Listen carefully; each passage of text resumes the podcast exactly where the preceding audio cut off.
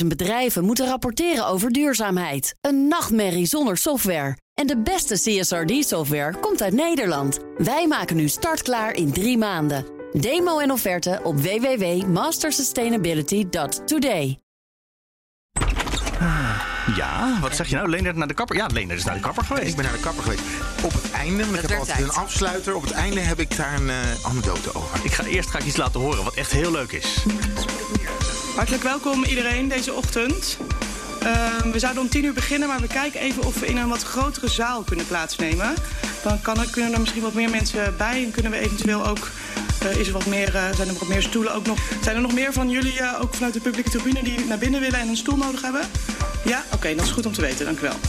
We gaan naar Troelstra, begrijp ik? De grotere zaal. Troelstra, dit is zomaar een donderdagochtend in de Tweede Kamer. Een hoorzitting, niet eens een spannend debat in de grote zaal. Een hoorzitting in een van de kleinere zaaltjes over openbaar vervoer. Dus niet de grote issues van deze tijd met boeren die het land plat willen leggen. En dan al merk je dat gewoon de politiek leeft op het ogenblik. Er gebeuren heel veel belangrijke dingen. Dat wou ik laten horen. Politiek leeft. Het is druk in de Tweede Kamer, maar echt druk. Je merkt het al gelijk bij de ingang. Eh, debatten worden inderdaad goed bezocht. Nou, deze week ehm, de boeren hebben we voor de Tweede Kamer gezien. Maar ook Koeien? bij de stemmingen. Ko- twee koeien hebben we gezien. Ik hoorde dat de, Gisteravond dat de ook koeien angstig debat. waren. Is dat, eh, hebben jullie dat Nou, ook heb ik gezien? niet gezien. Nee. Ah. Ik heb wel heel veel mensen horen klagen over dat die koeien dus in de stad. Er horen geen koeien in de stad. Nou ja, Ja. die, die uitspraak zal ik niet per se gaan betwisten of zo. Maar ik had niet het Nou, idee dat de koeien daar eh, nou heel erg angstig stonden. Nee, oké. Nee. Nou, ik was toch even nieuwsgierig. Eh, er is ook een, eh, een zaaltje in de, in de hal met een groot scherm, allemaal stoeltjes voor de parlementaire enquête Groningen. Maar daar heb ik nog niemand zien zitten. In het, in het publieke deel. Dus daar is wat minder aandacht De voor. tribune zelf is geloof ik wel vol, hè? Nee, ook, Ook niet. niet. Oh, Nee. dus als ik daarheen wil, dan... want ik heb wel eens gedacht, zal ik erheen? Kom een keer langs. Ik vond het opvallend rustig, maar iedereen kijkt natuurlijk online mee via de hè, debat. Ja, maar het is anders als je dan in de zaal zit. Dat is veel spannender. Je ziet gewoon veel meer op het moment dat je in een zaal zit. Zowel in de plenaire zaal als bijvoorbeeld bij die, eh, bij die enquête. Je ziet de, de fascinatie en de irritatie bij de ondervragers van de parlementaire enquêtecommissie. Ik heb ook wel eens oogcontact gehad met Tom van der Lee, de voorzitter. Hè, als dan de, een van de gedupeerden eh, nou ja, zijn, zijn relaas doet. Emo- emoties waren er ook. En, en dan voel je die, die spanning, die komt dan heel dichtbij. We gaan het hier straks nog uitgebreid over hebben. Trouwens, wat ook... eh, ik kijk het via de stream meestal. En dan op anderhalf keer snelheid. En het viel mij op, bij eerdere enquêtes had ik altijd gezien dat er een beetje aarzelende antwoorden kwamen. Dit keer waren het allemaal gloedvolle betogen. Maar dat had ermee te maken dat ik op anderhalve snelheid luister, eh, luisterde. Omdat dan gewoon, het, ja, dan komt het gewoon, het over je heen. hey, eh, we gaan beginnen met Nieuwsroom Den Haag. Van vrijdag 1 juli met in de studio Sophie van Leeuwen, Leendert Beekman. Ik ben Mark Beekhuis. Eh, zoals gezegd, we gaan straks uitgebreid hebben over de parlementaire enquête Groningen gaswinning. Eh, ook trouwens over de corona-parlementaire enquête. Daar valt best wat over te zeggen. Maar laten we toch eens even beginnen weer met eh, Boeren. iets met boeren. Heel veel herhaling van zetten hebben we gezien deze week. Ik denk dat we het niet hoeven te hebben over de acties. We hoeven ook de acties niet per se af te keuren. Er is Oh ja, die, heel... die kunnen we best afkeuren. Geweld is altijd slecht en past niet in de democratie. Maar er hebben genoeg mensen hebben het afgekeurd. Caroline van der Plas die schijnt zelfs een knop op de rug te hebben... waarop je kan drukken als je wil dat ze, dat ze iets afkeurt. Maar ze heeft liever niet dat mensen op die knop drukken, liet ze gisteren weten. Ja, voorzitter. ehm, het is net alsof eh, Caroline van der Plas een soort knop achter op de rug heeft. En dan kan iedereen op drukken. Neem afstand. Neem hier afstand van. Druk op de knop, neem daar afstand van. Neem daar afstand. Ga ik niet doen.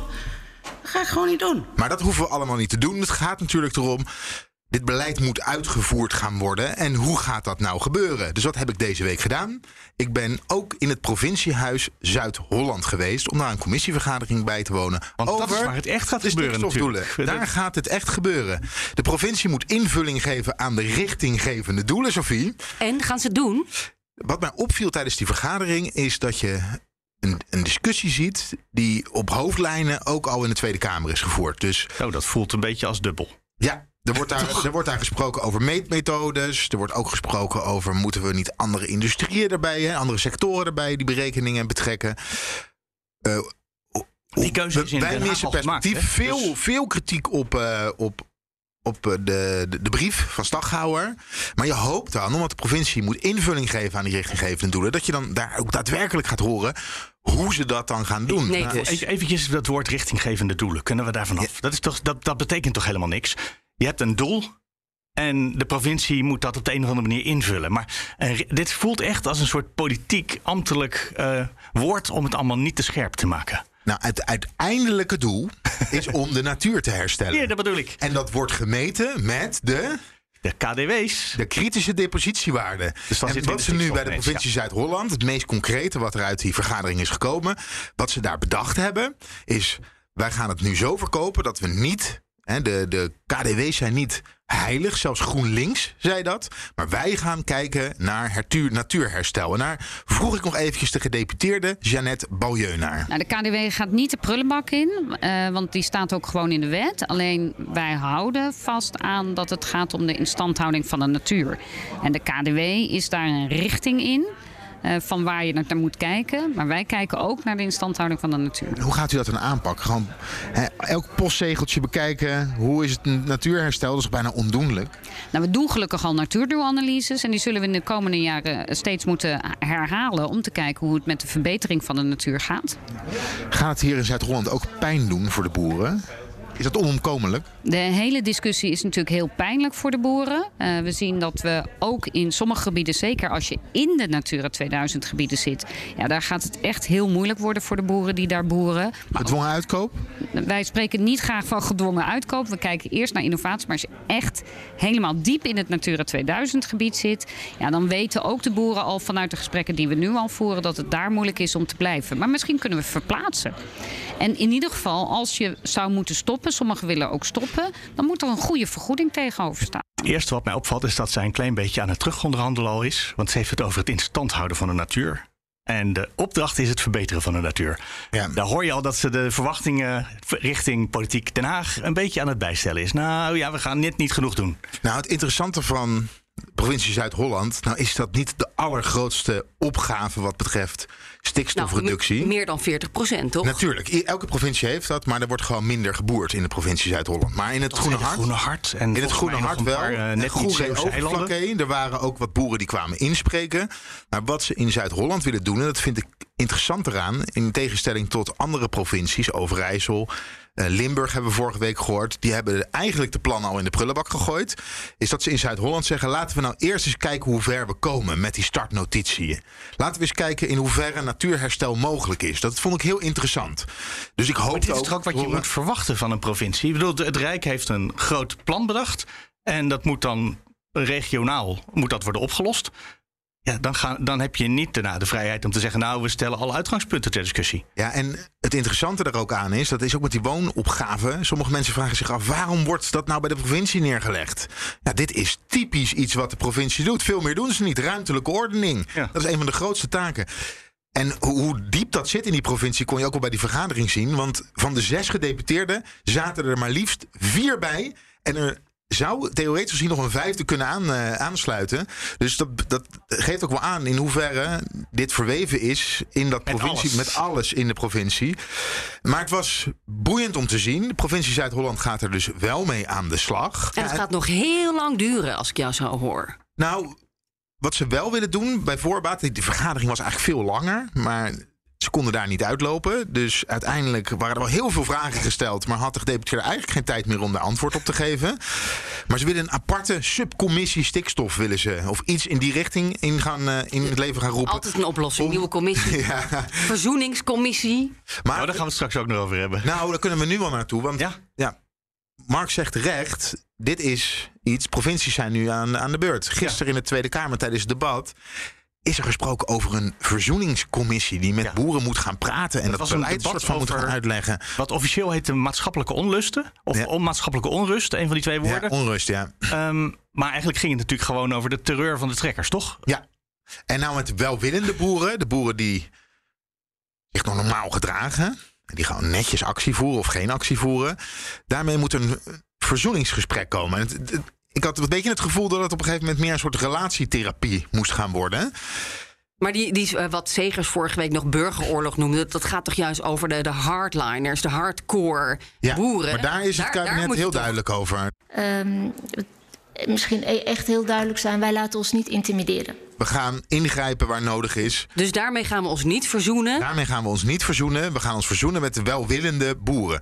Maar dan, Jesse Klaver zei het terecht, dat het ook wel een beetje vermenging is. Want de provincie, die moet nu met de boeren aan tafel gaan Ja, zitten. dat Zij moeten gaan uitleggen hoe het beleid vorm moet gaan krijgen. En nu moet er weer vanuit de Kamer, hè, die willen dan graag dat er een verzoeningscommissie komt. En dan gaan zij weer met de boeren praten. Het wordt allemaal wel heel onoverzichtelijk op die manier. En hoe ver en hoeveel macht moet de verzoener dan krijgen, dat staat ook nog ter discussie. Ja, waarschijnlijk wordt het gewoon iemand die namens minister Staghouwer, die geen perspectief biedt, eh, gaat praten. Zonder mandaat, zonder inhoudelijk mandaat. Ja, want Rutte wilde nog geen namen noemen. Voorzitter, motie nummer 2 wil ik ontraden. Want ik wil nu niet eh, vooruitlopen op eh, namen. En motie nummer 3 wil ik vragen aan te houden. Ik vind de tekst toch vrij ver gaan. Bemiddelaar, dat wekt de indruk dat je helemaal opnieuw begint. Eh, leiding geven, nieuw overleg. Wat nu dus interessant wordt, Sofie, inderdaad. Hoe, gaan, hoe gaat de provincie hier vorm aangeven? En dat is, eh, tot 1 juli hebben ze daar de tijd voor. Er moet dus nog een perspectiefbrief komen van Staghouwer. Ik worstel daar zelf heel erg mee. Want dan moet onze overheid dus gaan vertellen hoe de boeren hun bedrijf moeten omvormen en hoe zij als zelfstandige ondernemers in het vervolg hun geld moeten gaan verdienen. Is dat wel Dat aan de overheid? Niet per se, het kan ook zijn. Jullie, moet, jullie nieuwe eh, businessmodel moet in elk geval aan deze voorwaarden voldoen. Dus dan hoeft hij natuurlijk niet het hele businessmodel te maken. Oké. En de Rabobank moet meebetalen. Ja. Ja, dat Ja. is er ook eentje. Eh, ik moest trouwens wel de hele tijd aan Zuid-Afrika en de apartheid denken. Met die verzoening, waarheid en verzoening. De- het wordt wel heel, krijgt een heel historische dimensie, eh, deze. Maar het gaat nu toch niet over de waarheid? Want de waarheid, die kennen we. Nou, de- daar, daar zijn de meningen natuurlijk ook over verdeeld. Uiteindelijk gaat het Ehm. ook over. Maar, in, maar in die commissie, dus in Zuid-Afrika, was het ook het, idee dat dan iedereen, dus eh, die misschien eh, tegen een eh, politiebusje had aanstaan rammen, dan ook geen straf meer zou krijgen na afloop. Zover zijn we hier nog niet, begreep ik. Ik moet wel zeggen, ik vind onze regering af en toe heel stellig. Nee, sterker nog, elke keer als er boerenacties zijn, hoor je vandaag gaan we weer keihard ingrijpen tegen iedereen die zich misdraagt. En dan zie je s'avonds de beelden op het journaal. En dan heb je gezien dat de, dat de politie toch weer niet heel veel gedaan heeft. Nee, al gisteren ook eh, advocaat Friek heet ze geloof ik. Die, eh, zij zei, op het moment dat er ergens een milieuactivist op de stoep staat... dan wordt hij in een busje getrokken. Oh ja. Als je met je trekker ergens komt, dan, eh, dan kan je voor de Tweede Kamer dat ding parkeren. Ja, en dan waren komen alle politici van. Extinction Rebellion 22 om precies te zijn. Dat weet ik, want die zijn namelijk alle 22 opgepakt. Die zaten gewoon voor een sit-in op de grond bij de Belastingdienst. Ja. En die zijn al 22 opgepakt. En dat was de dag dat er eh, ook allerlei rellen waren met trekkers. En daarvan zijn er alles bij elkaar 10 opgepakt op die dag. Ja. Dus eh, ik denk dat die advocaat wel gelijk heeft. En wat ook nog in het debat, want het zou dus over de rellen moeten gaan... maar het ging ook over waar bent u, meneer Rutte? Onze premier, waarom geeft u geen leiding... op het moment dat er zo'n grote crisis Die in zat op de is? NAVO-top in Madrid. Die eh, zat op de. Ja, Ja. maar de hele week had hij iets van zich kunnen laten horen. Ja, hij heeft Kan- van zich laten horen. gewoon- Ik ben dinsdag nog op Ja. het ministerie van Algemene Zaken geweest... voor een persconferentie. Ja. Waarin hij zei, dit kan niet. Ja, maar hij heeft toch, toch van zich laten horen. ja. Maar er En werd toen ook gevraagd... Jilbus, uh, deescaleren is ook een vorm van handhaving. Wat Ja. ik een heel ingewikkeld concept vind. Gisteravond was ze stelliger daarin. En zei ze eigenlijk... eh, ja, we hebben, we hebben totaal geen begrip voor boeren die op een harde manier actie voeren. Maar Rutte is natuurlijk verantwoordelijk voor het stikstofbeleid. Van de afgelopen twaalf jaar in ieder geval. Ja, is hij dat? Want dan gaat hij zeggen, ik ben geen president. Als u dat Ja, wilt, moet er een ander stelsel vak- invoeren. ik heb vakministers, maar hij heeft ook... Toen de pasuitspraak eh, was, drie jaar geleden, heeft hij gezegd... de stikstofcrisis wordt de grootste crisis in mijn politieke loopbaan. Nou, daarna hebben we nog Op dat corona ogenblik is en chef gemaakt.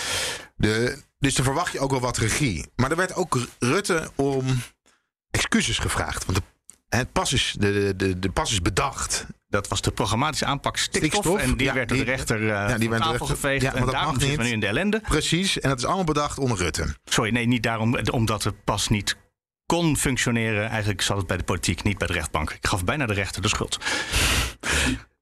Maar voor de pas wilde hij nog zijn excuses aanbieden. Maar verder niet. En dat was typisch Rutte. De heer Klaver. Toen u minister-president was, is de pas aangenomen. Uh, is er bezuinigd op het natuurbudget. Is de robuustheid van de natuur afgenomen. Uh, u bent verantwoordelijk voor het hele overheidsbeleid. En wat nou heel erg zou helpen, is zoals het CDA, de vertegenwoordiger van het CDA, dat eerder wel in het debat heeft gedaan. Zeg ik, sorry voor wat we eigenlijk de afgelopen jaren hebben gedaan. We hebben de verkeerde keuzes gemaakt. Niet vanaf 2019 alleen, Maar in de jaren daarvoor, en dat heb ik de minister-president nog nooit horen zeggen. Ik denk niet vanaf 2019 overigens, maar daarvoor wel. En dat heb ik eerder gezegd en ook net in antwoord op mevrouw Ouwehand. Eh, die pasuitspraak laat zien dat de aanpak die we hadden, dat die dus de verkeerde aanpak was. Eh, dat heeft de rechter van gezegd, dit werkt niet. En overigens die bezuinigingen op natuur, ja, daar ga ik toch wel voor staan. Want wij hebben vanaf 2010 52 miljard moeten ombuigen. Het was onmogelijk. Eh, defensie, voor een VVD'er ook nogal een ding. Natuur, overigens, eh, het geheel in tegenstelling wat de heer Klaver denkt, voor VVD'ers zeer wezenlijk. En al die andere zaken en lastenverzwaringen die we hebben moeten doen vanaf 2010 om uit de grootste naoorlogse recessie te komen. Het was onvermijdelijk dat alle sectoren een bijdrage leverden. Dus daar sta ik voor, voor die bezuinigingen. Dank u wel. Eh, maar ik ben het wel eens eh, dat de aanpak die wij meenden dat zou kunnen werken, eh, die heeft niet gewerkt. En inderdaad, dat is slecht. Daarvoor ook sorry, altijd natuurlijk als dingen niet werken. Dan heeft dat niet gewerkt. En eh, dat, dat, dat, dat is een van de redenen natuurlijk waarom we vanaf 2019 geconfronteerd zijn met die crisis. Tot slot, de heer Klaver. Voorzitter, dit mag iets ruimer en iets royaler. Wat we zien is dat de pas 2014, de bezuinigingen op het natuurbudget, de halvering daarvan, dat er de afgelopen jaren de verkeerde afslagen zijn genomen. En door gewoon nu te zeggen wat de overheid heeft gedaan met boeren is verkeerd geweest. We hebben de illusie laten ontstaan dat u kunt doorgroeien, dat met innovaties en dat u meer dieren neemt en door te investeren dat u op de goede weg bent. Dat was verkeerd. Ik was gisteren bij, eh, bij, eh, bij een televisieprogramma, zat ik met een boer aan tafel, komt uit dezelfde streek als waar ik geboren ben. En achteraf spraken we. En hij zei: ik heb, zo, ik heb collega's die hebben de afgelopen jaren geïnvesteerd in kringlooplandbouw. Met de beste bedoelingen en alles wat wij wilden. En die hebben nu de onzekerheid of we wel verder kunnen. Wat ontzettend zou helpen, is als u nou als leider van deze kabinetsploeg, niet van het afgelopen half jaar, maar van de afgelopen twaalf jaar, gewoon hier ronduit zegt: we hebben het niet goed gedaan. We hebben het stikstofbeleid ronduit verknald. Sorry daarvoor. Dat zou helpen. Nou, voor, ik heb net sorry gezegd voor de programmatische aanpak stikstof en dat het niet gewerkt heeft. Alleen de heer Klaver voegde alle dingen aan toe waar ik het niet mee eens ben. Ik wil heel precies zijn. Een beetje meegeven, sorry zeggen voor iets kleins. Maar we zitten natuurlijk nu in een stikstofcrisis. Ja, dat is het gevolg van jarenlang wanbeleid bij de, bij de overheid. Dit is niet zomaar ontstaan. Sorry. Sorry gewoon. Ja, maar dat, eh, dat zegt hij niet. hey, dit is- doet mij denken aan een artikel wat ik vanmorgen in de krant las. In de Volkskrant. Serieus. Eh, daar is een eh, interview met eh, Jeroen Dijsselbloem. In de Volkskrant vandaag over de aanpak van corona. En wat zegt Jeroen Dijsselbloem? Nou, ten eerste worden onze adviezen, en wij zijn van de Onderzoeksraad voor Veiligheid, dus eh, die zijn belangrijk, die worden helemaal niet overgenomen. Er wordt gezegd, het zijn belangrijke adviezen. En maar ze doen er niks mee. En bovendien zegt hij, en dat is echt op de man, eh, zowel Mark Rutte als Hugo de Jonge, die weigeren te reflecteren, die weigeren na te denken over of dingen goed gegaan zijn. Die blijven alles maar keihard verdedigen. De luiken zijn dicht. Dat zei hij. De luiken gaan steeds dichter in plaats van een nieuwe bestuurscultuur. Ze wachten op de parlementaire enquête. Maar dat is toch gek? Dat je dan na. We hebben we inmiddels drie jaar corona? Tweeënhalf? Tweeënhalf. Dat je dan na 2,5 jaar zegt: nee, maar evalueren doen we als de crisis echt helemaal voorbij is. Eh, laat, het is bijna alsof je zegt: dat moet de volgende regering maar eens gaan doen. Ja, Hij we doen zegt ook- nog iets interessants in het artikel. Hij zegt, tijdens de persconferentie zeiden de jongen en Rutte al de hele tijd... we varen in de mist, we gaan fouten maken. Waardoor ze nu zoiets hebben... Ja, misschien hoeven we... We hebben al lang gezegd dat er fouten zouden eh, gemaakt zouden worden. Dus ik hoef er niet nog een keer op terug te komen. Al die klachten die kunnen meteen in het bakje afgehandeld, zei hij. Hè? Mooi. Maar over die commissie. eh, ik werd dus gisteren eh, opgebeld door een, eh, een, een beetje een ontstemde Laurens Boven, mijn oud collega. Welke commissie heb je het nu over? De, de parlementaire enquête naar de coronacrisis die er Oh ja, gaat komen. precies. Ja, die, die commissie is bekend geworden deze week. En eh Laurens die belt mij. Ik zei, ik zat dus zelf in een parlementaire enquête Groningen. Onze Sophie, oude collega, Laurens Boven. Heb je gehoord dat Ariep die commissie van corona gaat leiden? Die Ja. enquête. Hoe, hoe kan dat? Wat gebeurt hier? En ik zei, ja, sorry, ik hang nu op. Ik zit in Groningen, in die andere enquête. Maar ik, ik, ik wilde voorstellen hem even in te bellen. Laurens, jij belde me gisteren op. ehm, van w- Ariep, Ariep, enquête. ik zei, nee, Groningen, nu, enquêtezaal. Ja, ja, Ehm, eh, ja. Vertel even wat daar gebeurde gisteren. Je, Toen je een beetje... je weet het wel weer, ja, je weet het wel weer dramatisch te brengen, Sophie.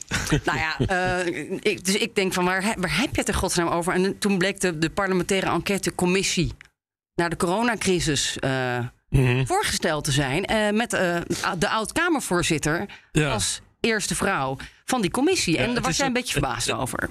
Eh, het is ook verwarrend, Sophie, allemaal. Hè. Er zijn zoveel enquêtecommissies eh, op stapel of al eh, draaiend hè, in deze kabinetsperiode. Ik snap de verwarring, want jij stond natuurlijk bij die andere verslag te doen. Ehm, Ja, ik dacht, en, waar eh, heb je het over? Ja, nee, maar het is nog niet. eh, de, de, de volgende is ook al in de maak, inderdaad. Dat is de grote enquêtecommissie naar het eh, coronabeleid.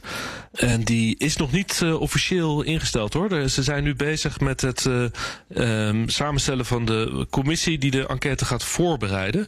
En daar zijn nog geen officiële berichten van gekomen. Maar een, maand geleden stond er al in de Telegraaf dat Ariep getipt wordt, de oud-Kamervoorzitter, als ehm, degene die de commissie gaat leiden. En gisteren eh, bracht RTL Nieuws ehm, eh, ja, de samenstelling van de commissie. ehm, wie daar dus allemaal in gaat zitten namens welke partijen. En dus dat inderdaad Ariep dus de voorzitter moet worden van de voorbereidingscommissie. Nou, en normaal gesproken is de voorbereidingscommissie ook de echte enquêtecommissie. En dat zou dus betekenen dat Ariep dus de voorzitter wordt van de enquêtecommissie naar de coronacrisis. En, het En waarom leidde dat tot zoveel emotie bij jou, Laurens?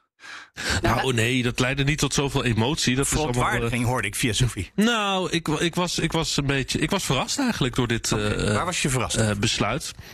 Nogmaals, het is dus nog niet officieel door de Nee, Tweede Kamer maar we bevestigd. gaan even uit Het- van het Het persbericht is nog niet gegeven, nog niet verstuurd dat dit de, ehm, eh, de samenstelling wordt. Nou ja, ik was verrast in die zin dat Khadija Ariep natuurlijk een zeer ervaren Kamerlid is. En met een heel hoog profiel als oud-Kamervoorzitter geeft dat natuurlijk die enquêtecommissie een zeker gewicht. Hè, dat de, eh, de oud-voorzitter zelf het onderzoek leidt naar hoe het corona-gebeuren heeft plaatsgevonden.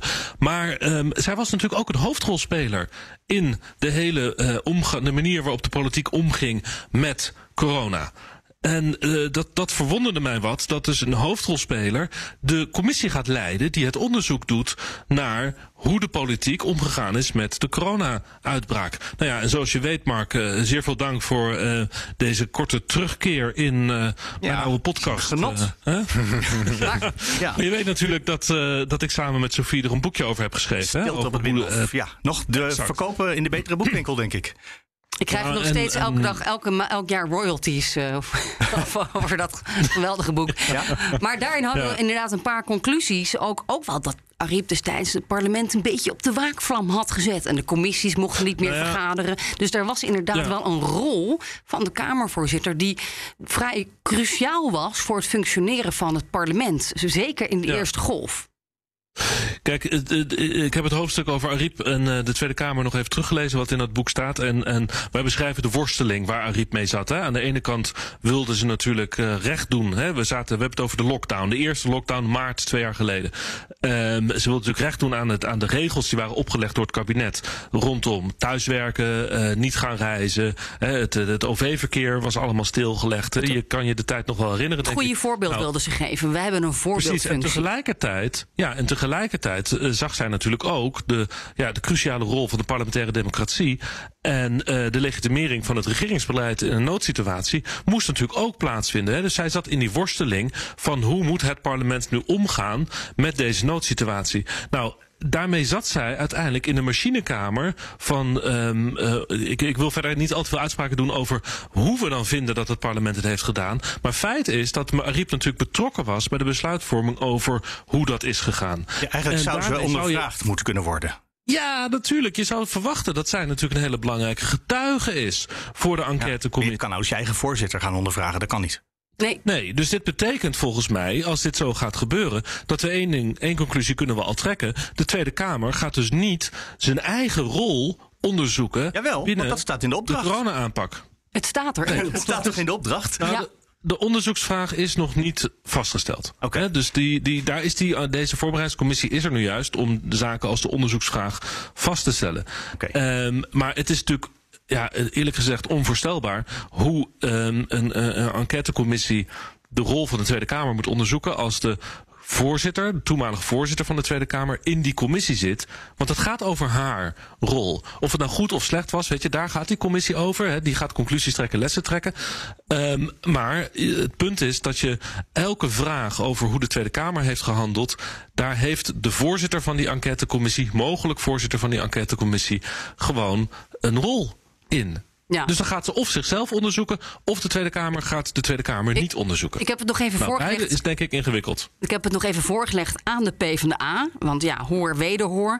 En daar, daar klinkt het... eh, ja, dat, dit wil nog niet zeggen, Ariep als voorzitter... dat een voormalige Kamervoorzitter... niet kritisch naar de rol van de Kamer zou kunnen kijken. Samen met de commissie van Kamerleden... Want, waarvan een groot deel er destijds ook was. Eh, dus zij, z- nou ja, daar, daar voelen ze niet eh, het probleem dat zij niet verhoord kan worden. Ze denken dat er, dat er wel degelijk Wacht even, wacht even, wacht even. Zegt de Partij van de Arbeid dat die enquêtecommissie zijn eigen voorzitter als getuige gaat oproepen? Nou, er, er staat, Nee, dat staat er niet. Dat staat er niet, maar er zou wel kritisch gekeken kunnen worden naar wat er is gebeurd in het parlement. Eh, Door misschien anderen te ondervragen. Maar- Eh, maar hoe, le- hoe lezen jullie dit? Is dit sabotage of is dit een een- niet nagedacht? Is, of, eh, is het kwade bedoelingen? Hoe, hoe lezen jullie dit? Mark, ik denk dat, het, dat dat hele belangrijke vragen zijn die we moeten stellen aan de enquêtecommissie als die zichzelf voorstelt aan de pers. Ik wil daar niet nu over speculeren wat hier dan, dan achter zit. Mhm. Het, het, dat, dat, dat is gewoon, dat doet denk ik Ariep ook geen recht om daar nou allemaal kwade bedoelingen meteen achter te zoeken. Maar ik vind het een, een wat ik zei, ik was verrast eh, over eh, dat, dat dit nu kennelijk het besluit is en kennelijk bevestigt de Partij van de Arbeid het, als ik eh, Sophie goed begrijp, dat dit gaat gebeuren. En weet je, ik heb nog, dat, zoals ik zei, ik heb dat hoofdstuk nog eens even teruggelezen. En ehm, eh, we beschrijven ook heel uitgebreid hoe er allerlei informele circuits ontstonden in de, binnen de Tweede Kamer op het moment dat de, de noodtoestand in feite, hè, niet formeel, maar in feite werd uitgeroepen door het kabinet, allerlei structuren veranderden. En er waren fractievoorzitteroverleggen bijvoorbeeld, waarin Ariep ja, de leiding nam over, eh, waarin werd vastgesteld hoe het parlement om zou gaan met eh, deze noodsituatie. Hè, het besluit dat er dus alleen nog maar debatten op hoofdlijnen over het coronabeleid zouden plaatsvinden met de premier, met de fractievoorzitters, dat alle andere commissievergaderingen zijn geschrapt, omgezet werden naar schriftelijke overleggen. Eh, dat is allemaal, daar is Ariep allemaal bij betrokken geweest. Dat waren deels ook haar voorstellen over eh, de procedures.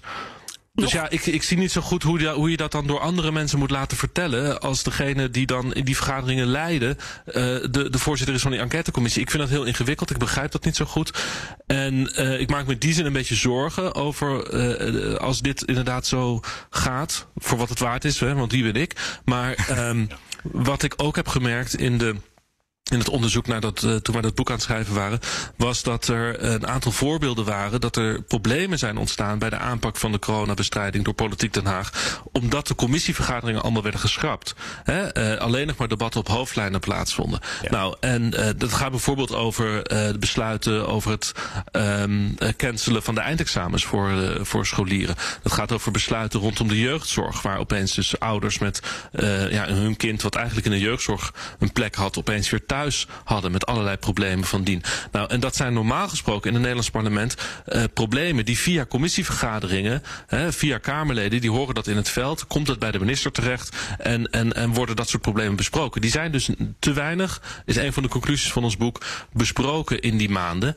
En dat heeft dus tot problemen geleid. Nou, waarom vertel ik dat nou allemaal? Omdat dat een hele belangrijke les is over hoe de parlementaire democratie hoort te functioneren op het moment eh, van een noodtoestand. En welke gevolgen dat moet hebben voor de toekomst. We staan Ja. aan de vooravond van een nieuwe golf. Ja, wellicht. dat- dat is hoe gaat dus- het parlement dan handelen? Ja, dat is dus zorgwekkend nieuws. Laatste vraag. Wat vinden jullie van de samenstelling van die voorlopige voorbereidende commissie? Die Nou, is ook opmerkelijk. Nou, ik dacht daar wel bij.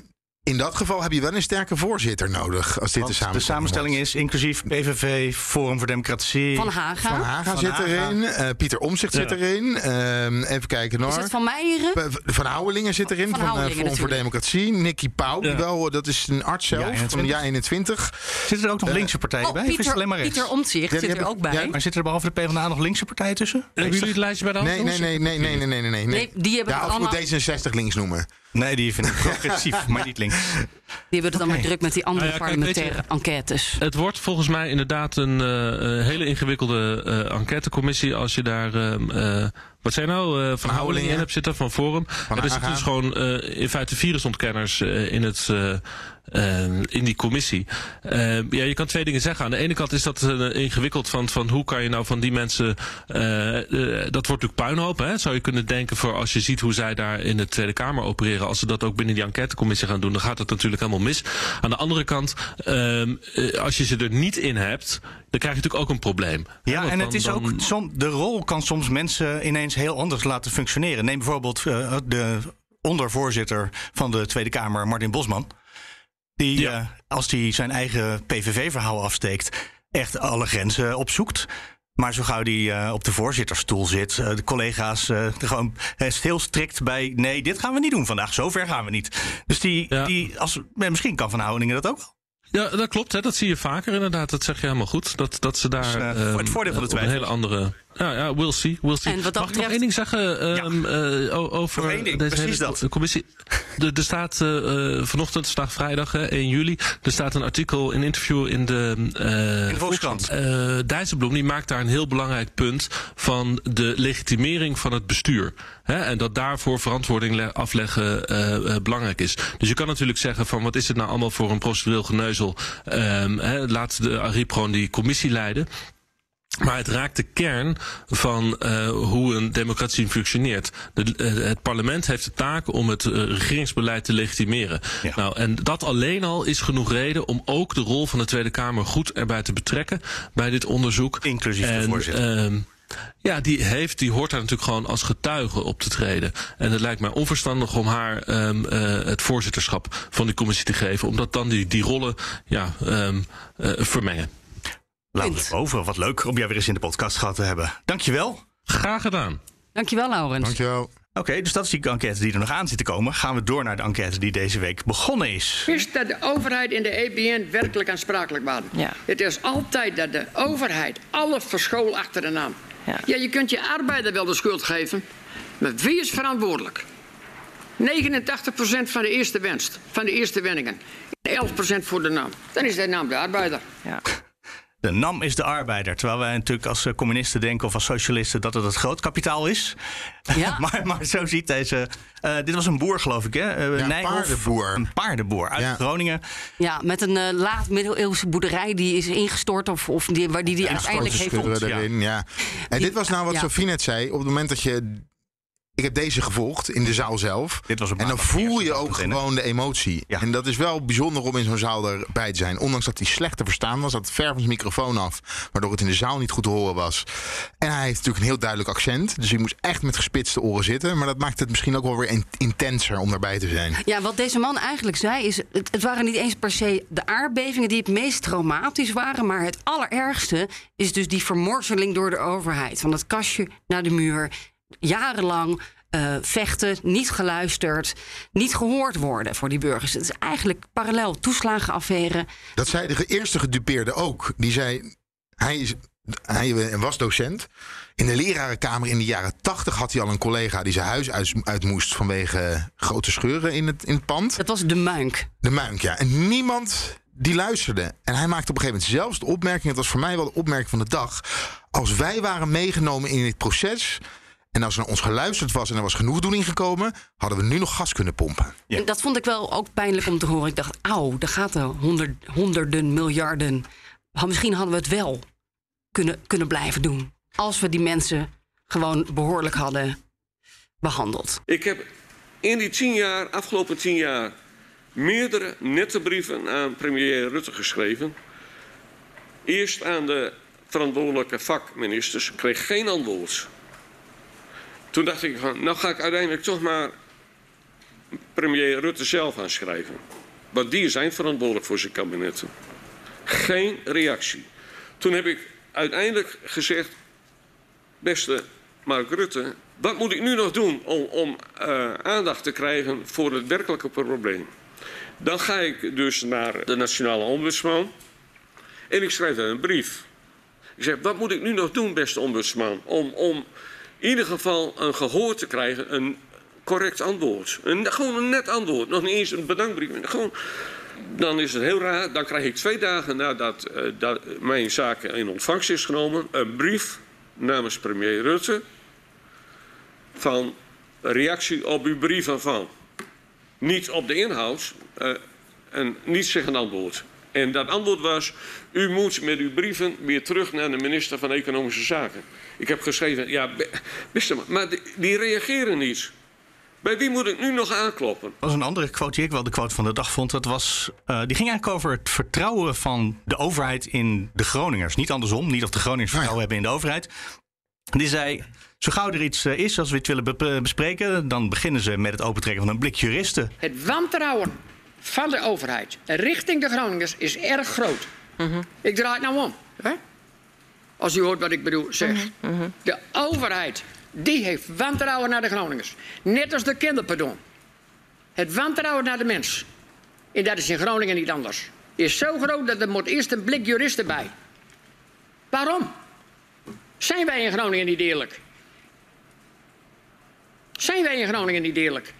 Als het zo over je heen komt... Dat, de heer Nijhoff vertelde ook dat ze dan met een leger, eh, echt met drie advocaten kwamen ze bij hem thuis langs om te kijken naar die schade. Ja, dat is bijna absurd voor woorden. En een, en een dokter, een schadedokter met een witte jas. Dat vond ik dan misschien het grappigste van dat hele verhaal. Maar, nou ja. Dus het hele grote verhaal van hè, waarom al dat wantrouwen in de overheid... ging het ook nog hè, donderdagavond over in de Tweede Kamer. Rutte beaamt, er is weinig vertrouwen in de politiek. Dat wordt dus veroorzaakt, hoor je in de enquête... doordat de overheid zijn eigen burgers niet vertrouwt. Ja, een kloof tussen de overheid en de burgers, zeiden ze gisteren. En tussen de stad en het platteland. En die moet gedicht worden. En wat mij ook opviel, op de eerste dagen waren er mensen die niet verantwoordelijk waren, maar die gewoon slachtoffer waren. En die mensen hebben allemaal een fantastisch goed geheugen. Die weten nog hoe ze in 1959 een brood moesten bezorgen bij die hele verder boerderij. En dat ze toen ineens de NAM op het fietspad tegenkwamen. Ik ben een eh, bakkerszoon. Mijn vader eh, was bakkerbezorger in Hoogezand. En ik hielp dus mijn vader mee met brood bezorgen. Een verre klant was een eh, arbeiderswoning van boer Boon in Kolham. Boer Boon woonde zelf in Hoogezand, maar die had een eh, nieuwe schuur gezet op zijn land in Kolham. Op de grens van Hoogezand, gemeente Slochteren. En in het voorjaar van 1959, ik fietste dus met die matten aan stuur naar die arbeiderswoning. En toen werd ik tegengehouden door mensen van de NAM. Ja, dat wist ik helemaal niet dat dat mensen van de NAM waren. Maar ik zag wel allemaal vrachtwagens met materieel. En die zeiden, wat moet, u, wat moet jij hier? Ik zei, nou, ik moet broden bezorgen bij die woning daar. Nou, ga me gauw hè, brood afleveren en snel weer weg. Want ze, eh, ze bouwden daar een boortoren op. Dat soort details. Ik snap ook wel dat dat indrukwekkend is, maar toch. En eh, daar werd zelfs nog een compliment voor gemaakt toen iemand er begon met even iets. Nee, dat weet ik niet meer. En toen zei de voor, de, degene die het verhoor deed op dat ogenblik. 2 december 2003, dat is inderdaad de eerste eh, informatiebijeenkomst Ja. in Middelstum. Dat klopt. Daar heb ik gesproken. Ja, daar heeft u gesproken. En volgens mijn informatie heeft u dus ook gesproken in 2006 na deze beving. Er was ook een bewonersavond in, eh, in Vitanova.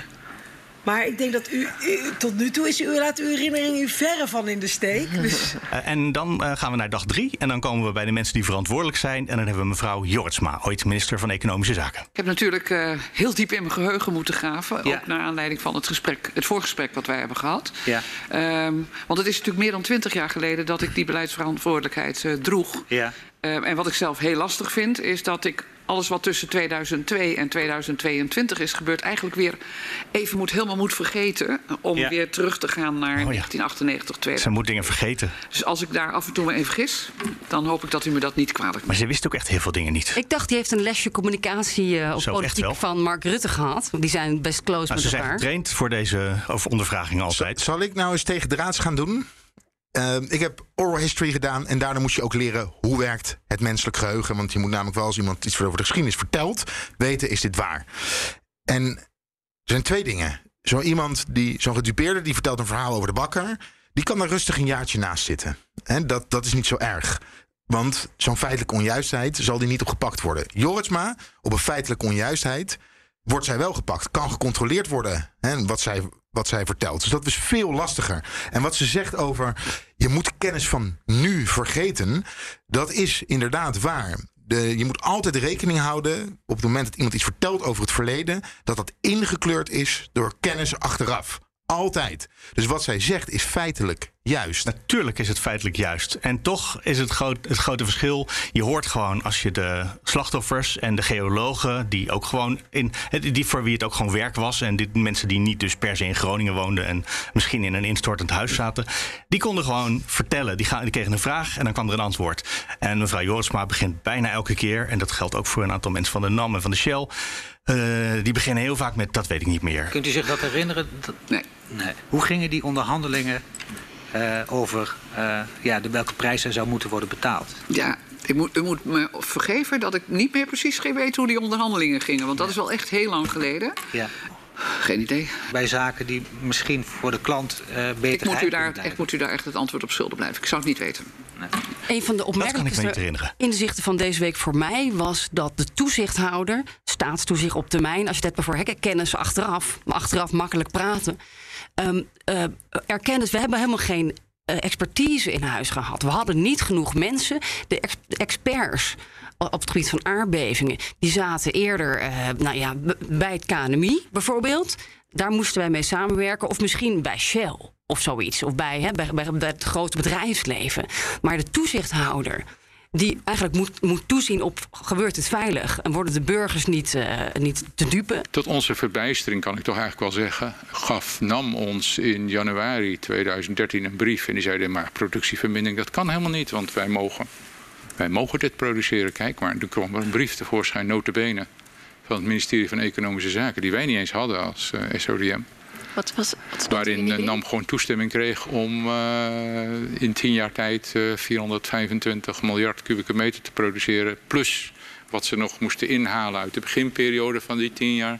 Plus wat ze nog moesten inhalen van de tien jaar daarvoor. En op die manier konden ze dus inderdaad eh 47 of ook die 53 publiceren. Dat, dat produceren, dat mocht. Nou, dat wij dat niet wisten als SODM is natuurlijk heel, heel, heel merkwaardig, denk ik. En daar is ook een verschil dus tussen zo'n betrokken partij als Staatstoezicht op de Mijnen en mevrouw Jortsma, die minister was. Mevrouw Jortsma die weigerde om iets te vinden van wat er toen gebeurde. En bij Staatstoezicht zeggen ze, we hadden toen achteraf te weinig mensen en te weinig kennis. En als je Jortsma die vraag stelt, dan zegt ze, sorry, u bent bezig met de reconstructie. Ik, u, u bent niet bezig met meningen. En als er dus geen belang meer is bij de mijnbouwmaatschappij om zelf de schade te voorkomen, vond ik echt een heel slecht idee. Toen. Ja. En hoe kijkt u er nu op terug? Nee, ik, heb, ik ga over nu niks zeggen. Want u moet mij bevragen over die periode van vier jaar. Ik heb u net al gezegd, ik vind het moeilijk genoeg om alles wat ik nu weet daarvan buiten te sluiten. Maar ik, ging, ik, ik heb gehandeld op basis van de kennis die er toen was. Ik vond eigenlijk dat de ondervraging af en toe wat harder had gekund. Want, nou, dat is onze vraag. En u zit hier onder Ede, dus u moet, en u moet antwoord geven.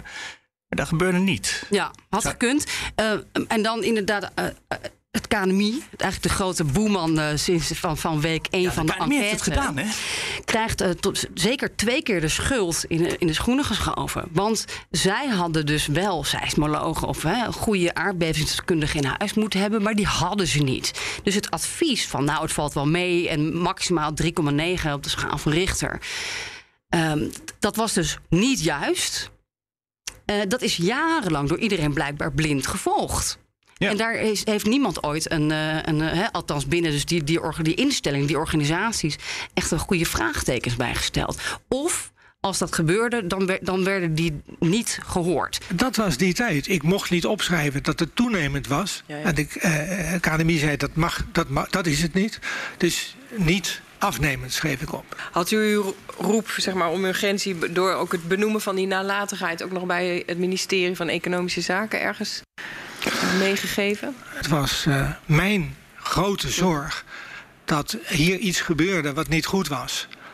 En dat wilde ik benoemen en dat wilde ik oplossen. Ik wilde niet met het woord nalatigheid strooien. Maar eh, ik, ik had het wel over verwijtbare nalatigheid toen. En daar wilde ik met de grootste urgentie iets aan doen. Ik wilde gewoon, ik wilde het oplossen. Vervolgens krijg je de NAM. En die zeggen eigenlijk, eh, ja, eh, maar dat was niet onze verantwoordelijkheid.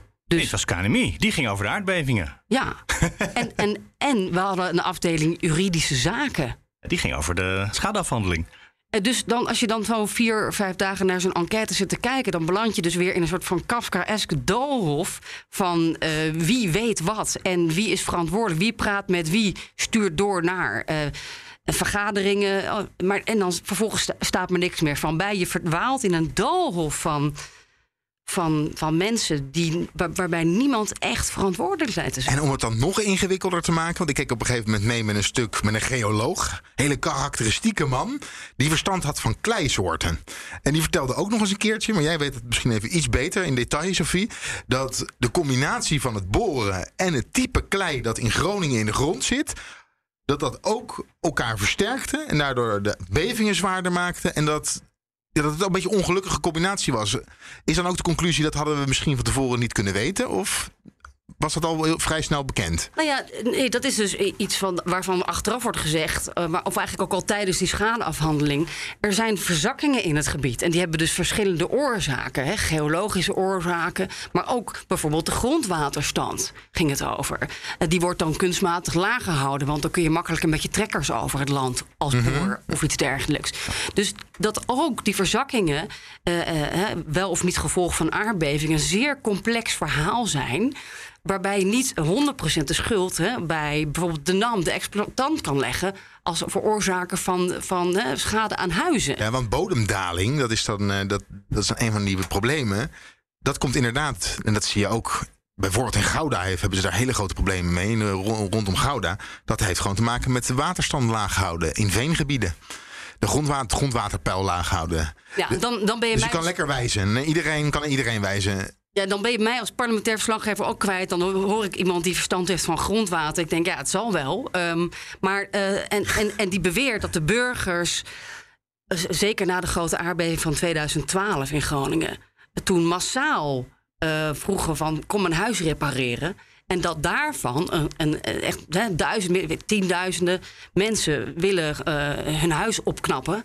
Dat daarvan een deel niet 100% aard- categorie A schade, maar eerder B of C schade zijn En geweest. C betekent niet van de aardbevingen. Dat is, dat is op zich al, dan ben je afgeschreven. Ja, een B Ehm, is deels. Het gaat er Ja, uiteindelijk om die categorie A mensen. En of eh, die, die bevingen, of die voorkomen hadden kunnen worden. Nee, die En bevingen hadden niet voorkomen kunnen worden, heb ik van de week geleerd. Ze konden wel zwaarder of minder zwaar worden. En er was uitgerekend, dat vind ik toch ook wel relevant om op te merken, eh, dat door, volgens de modellen zou er hooguit eh, cosmetische schade kunnen zijn. Dus dat is pleisterwerk aan de buitenkant. Niet de muren zelf, niet de funderingen, dat soort zaken. Dus op die manier is de schade ook behandeld. En dat is op het ogenblik volgens mij nog steeds niet opgelost. Dat als er een scheur in je huis zit, over van helemaal boven het dak tot in de eh, fundamenten. Dan is alles wat boven de grond is, dat valt onder de schade die de NAM wel wil vergoeden. Of tegenwoordig dus een onafhankelijke club. Eh, maar als, als dus de scheur doorloopt onder de grond, nee, dat kan niet van de aardbeving komen, want dat zit niet in het computermodel. Nog even over de manier van vragen stellen. Ja. Dat viel mij ook wel op. En ik snap wel als er een oude man, een gedupeerde tegenover je zit... die een zeer emotioneel verhaal vertelt... dat je niet op het scherpst van de snede gaat interviewen... maar een tegenvraag in de trant van... maar had de schade ook door iets anders kunnen ontstaan? Of een, klein, een kritische vraag. Niet gehoord. Het was toch een beetje... meneer, loopt u maar leeg. Ja, maar eh, deze hoorzittingen zijn ook niet het echte onderzoek. Hè? Het onderzoek is gedaan. En dit is storytelling achteraf om, te om Nederland te laten zien wat er straks ook in het rapport komt. En daar moeten dan al die citaten in terugkomen die we nu wel horen. En dus die eerste dag ging erover met die, eh, de mensen die daar wonen en die hun boerderijen allemaal in puin zagen gaan. Om duidelijk te maken hoe het in Groningen aankwam. En Vandaag de dagen weer gedupeerde trouwens eh, aan het woord nog. ja, er komen Ja. er nog meer in de loop van de weken, zeker. Eh, en, maar en dat is natuurlijk. Die, dan gaat het ook als het hoe heeft u het beleefd? Ja, daar hoef heb je geen kritische vragen voor nodig, want daar- dan mag je leeglopen. Ik las wel dat het echt ervaren werd door andere mensen als een hele wonderlijke vertoning, die hele, dat hele verhoor. Heb jij dat ook, eh vond jij het ook wonderlijk hoe het allemaal ging? En, Ja, nou ja, ik heb op de mini-enquête ook eh, van eh, hè, de toeslagenaffaire gevolgd. Eh, ik, ja, ik vind het vooral ja, heel erg boeiend. nee, maar meer Joritsma zelf. Oh, Joritsma. Ja, ja, dat het echt wel een... eh, ja, dat, Nou, met, bij de andere, op de dag, de dag daarna had je twee mensen, eentje van Shell, eentje van de NAM. Die gaven wel antwoord, maar niet op de vraag, meestal. en dat werd geaccepteerd. Eh, ze zegt, u staat het stoplicht op rood of groen. Zegt, daar ligt hier een zebrapad. Eh, Ik bedoel, dat is geen antwoord op de vraag. En dan gingen ze toch door naar de volgende vraag. Want kennelijk, ja, er was een antwoord. Ja. Ik had het allemaal wat scherper gehoopt. Ik vond het eh, interessant ook om te horen, hè, dat was vrij technisch toen de NAM aan het woord kwam, dat zij zichzelf blijkbaar echt zien als uitvoerend. Wij haalden het gas uit de grond eh, op verzoek van Gasterra Ja. voor, de, voor de, de Nederlandse burgers. Dat was eh, het doel. Wij bepaalden echt niet of er harder ge- gepompt zou, die kraan harder open Ja, zou gaan. is, ja eh, nee. dan word je me door Van. Haga meteen tot de orde geroepen. Dat is echt het verkeerde woord. Dat is olie, hè? Op olie moet je oppompen, maar dit staat gewoon onder, onder enorme druk. Ik probeerde het aantal bar te bedenken, maar dat ben ik vergeten. Maar dus dat komt gewoon naar boven als je een gat in de, oh, in de zoutlaag maakt waar het tot nu toe onder zat. Ja, ja maar wij zijn alleen maar wij, eh, de, de, de technische eh, eh, kant van het verhaal. Eh, u vraagt, wij leveren. Zo Ja. werd het gepresenteerd. En dat is waarschijnlijk op zijn niveau ook zo. Dus als er opeens meer uit de grond werd gehaald, hè, dat is dus na die zware aardbeving in 2012, dan is dat niet omdat wij meer geld wilden verdienen. Nee, zij Maar- niet. Dus, maar, Maar die club die bepaalde hoeveel gas er gewonnen wordt, eh, worden moest misschien wel. En misschien zelfs wel bij het ministerie van Economische Zaken. Want Ja. dat is iets wat uit de eerste twee dagen ook naar voren kwam. Hè? Dat eh, de NAM heel vaak de schuld krijgt vanuit het politiek Den Haag. Maar dat er in het ministerie van Economische Zaken gewoon mensen mee zaten te denken over hoe alles werkte. Ja, en dat wordt dus nu voor mij de grote spanning. Ja. En hopelijk herinnert hij zich alles, is Henk Kamp. Dat, die was minister in die periode, tijdens eh, ook het kabinet Rutte nog. Van, Het is een minister, dus dat doet niet veel, veel goeds met je geheugen. wat, is, wat is zijn herinnering van hoe dit is gegaan? En waarom die Die kleur kraan zegt ook veel zo... over je geheugen. Ja, ik wou Sorry. niet meteen de VVD schuld geven, maar eh, ja, dat, dat, dat klopt wel. Dus ehm, ik hoop dat in september wel te horen. Henk Kamp, eh, waarom na die zware aardbeving... gewoon keihard dat gas eruit laten spuiten? Of hoe, hoe noemde je dat net? winnen, ontsnappen. winnen. Het heet productie. Het ontsnapt uit Ja, zichzelf. het is natuurlijk eh, raar om het productie te noemen, maar dat heet het produceren van gas. Ja. Als je dan in het goede jargon wil praten. Ook de nuance die ik heb geleerd is dat blijkbaar toch best wel bijzonder is. Aardbevingen bij, die gaswinning. Dat het in, weet ik veel, meer dan 90% of 95% van de gevallen daar geen sprake van is. Dus dat men ook in die tunnel zat van ja, maar die kans is zo klein. En dat, dat Groningen echt anders zou zijn dan andere gebieden. Dat, dat daar ook heel lang geen rekening mee is gehouden. Dus ik wil ook wel, ik sta nog steeds open wel hoor, voor die tunnelvisie. Waarvan toch heel veel mensen zeggen dat ze er te lang in hebben gezeten. Ja, en een deel van de tunnel was misschien ook wel dat eh, er werd gevraagd: als we nu minder gaan winnen, zou dat iets doen voor de aardbevingen? En toen kwam de NAM tot de conclusie: nee, dat scheelt helemaal niks. Nee, die aardbevingen die zouden uiteindelijk... Die zou anders tot- toch wel komen. Ja. Dus als je minder wint, dan zit er meer tijd tussen de aardbevingen. Maar je krijgt wel dezelfde aardbevingen, dus is er geen verschil. En dat is natuurlijk, als je, als je elke week een aardbeving meemaakt, of één keer in de tien jaar, om het even het extreem te maken.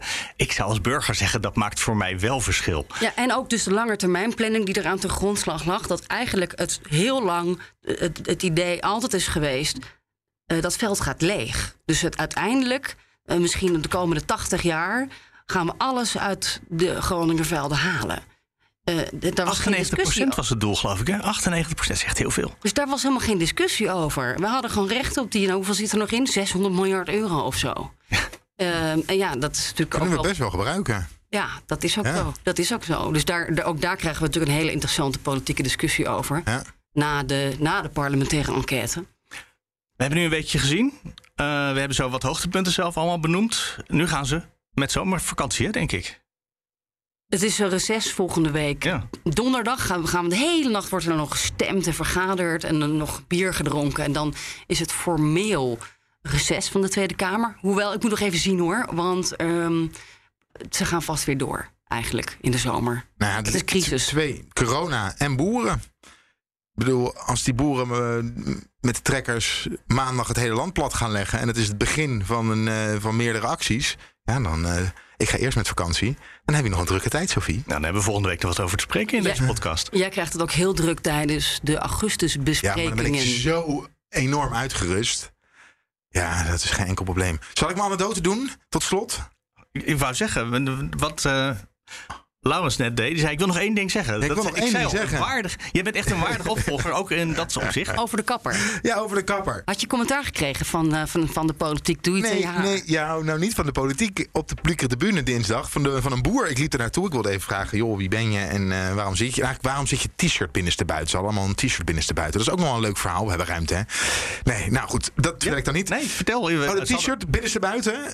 Daar stond namelijk op trots op de boer. Maar je mag geen politiek statement maken op de tribune. Dus ze moesten een t-shirt, zaten allemaal met een t-shirt binnenste buiten op de tribune. Hij mag toch wel trots zijn? Van der Plas. Die had datzelfde t-shirt wel aan in de Kamer. Dat mag natuurlijk. Zij mag doen laat wat ze wil in de Kamer. maar op de tribune mag je niet klappen, niet niet. joelen. Zij zaten, dus ik vroeg waarom is dat t-shirt dan binnen buiten? En hij kijkt me aan en zegt: Moet je niet eens naar de kapper? en toen ben ik woensdag naar de kapper gegaan. Oh, heel goed. ja. Ja, binnenkort is het weer corona en dan kun je niet naar de kapper. Dus, Daarom. eh, Je jij bent vroeg je nog af, mag ik een heggenschaar lenen? Ja, ja. Nou, het het is er lekker goed kort. uit. Dankjewel. Volgens mij was dit hem voor vandaag. En daarmee voor deze week. Maar volgende week zijn we er gewoon weer met Nieuwsroom Den Haag. Eh, je hoorde Laurens Boven eventjes terug van eh, weg geweest. Sophie van Leeuwen en Leendert Beekman in de studio. Ik ben Mark Beekhuis. Tot volgende week. Volgende week trekken wij dus in één keer door na de stemming om vier uur s'nachts naar tot, de podcast. Ja, dat moet dan wel, ja. Naar vakantie. Dan moet ik ook nog naar de Friday Move. 50.000 bedrijven moeten rapporteren over duurzaamheid. Een nachtmerrie zonder software. En de beste CSRD-software komt uit Nederland. Wij maken nu startklaar in drie maanden. Demo en offerte op www.mastersustainability.today.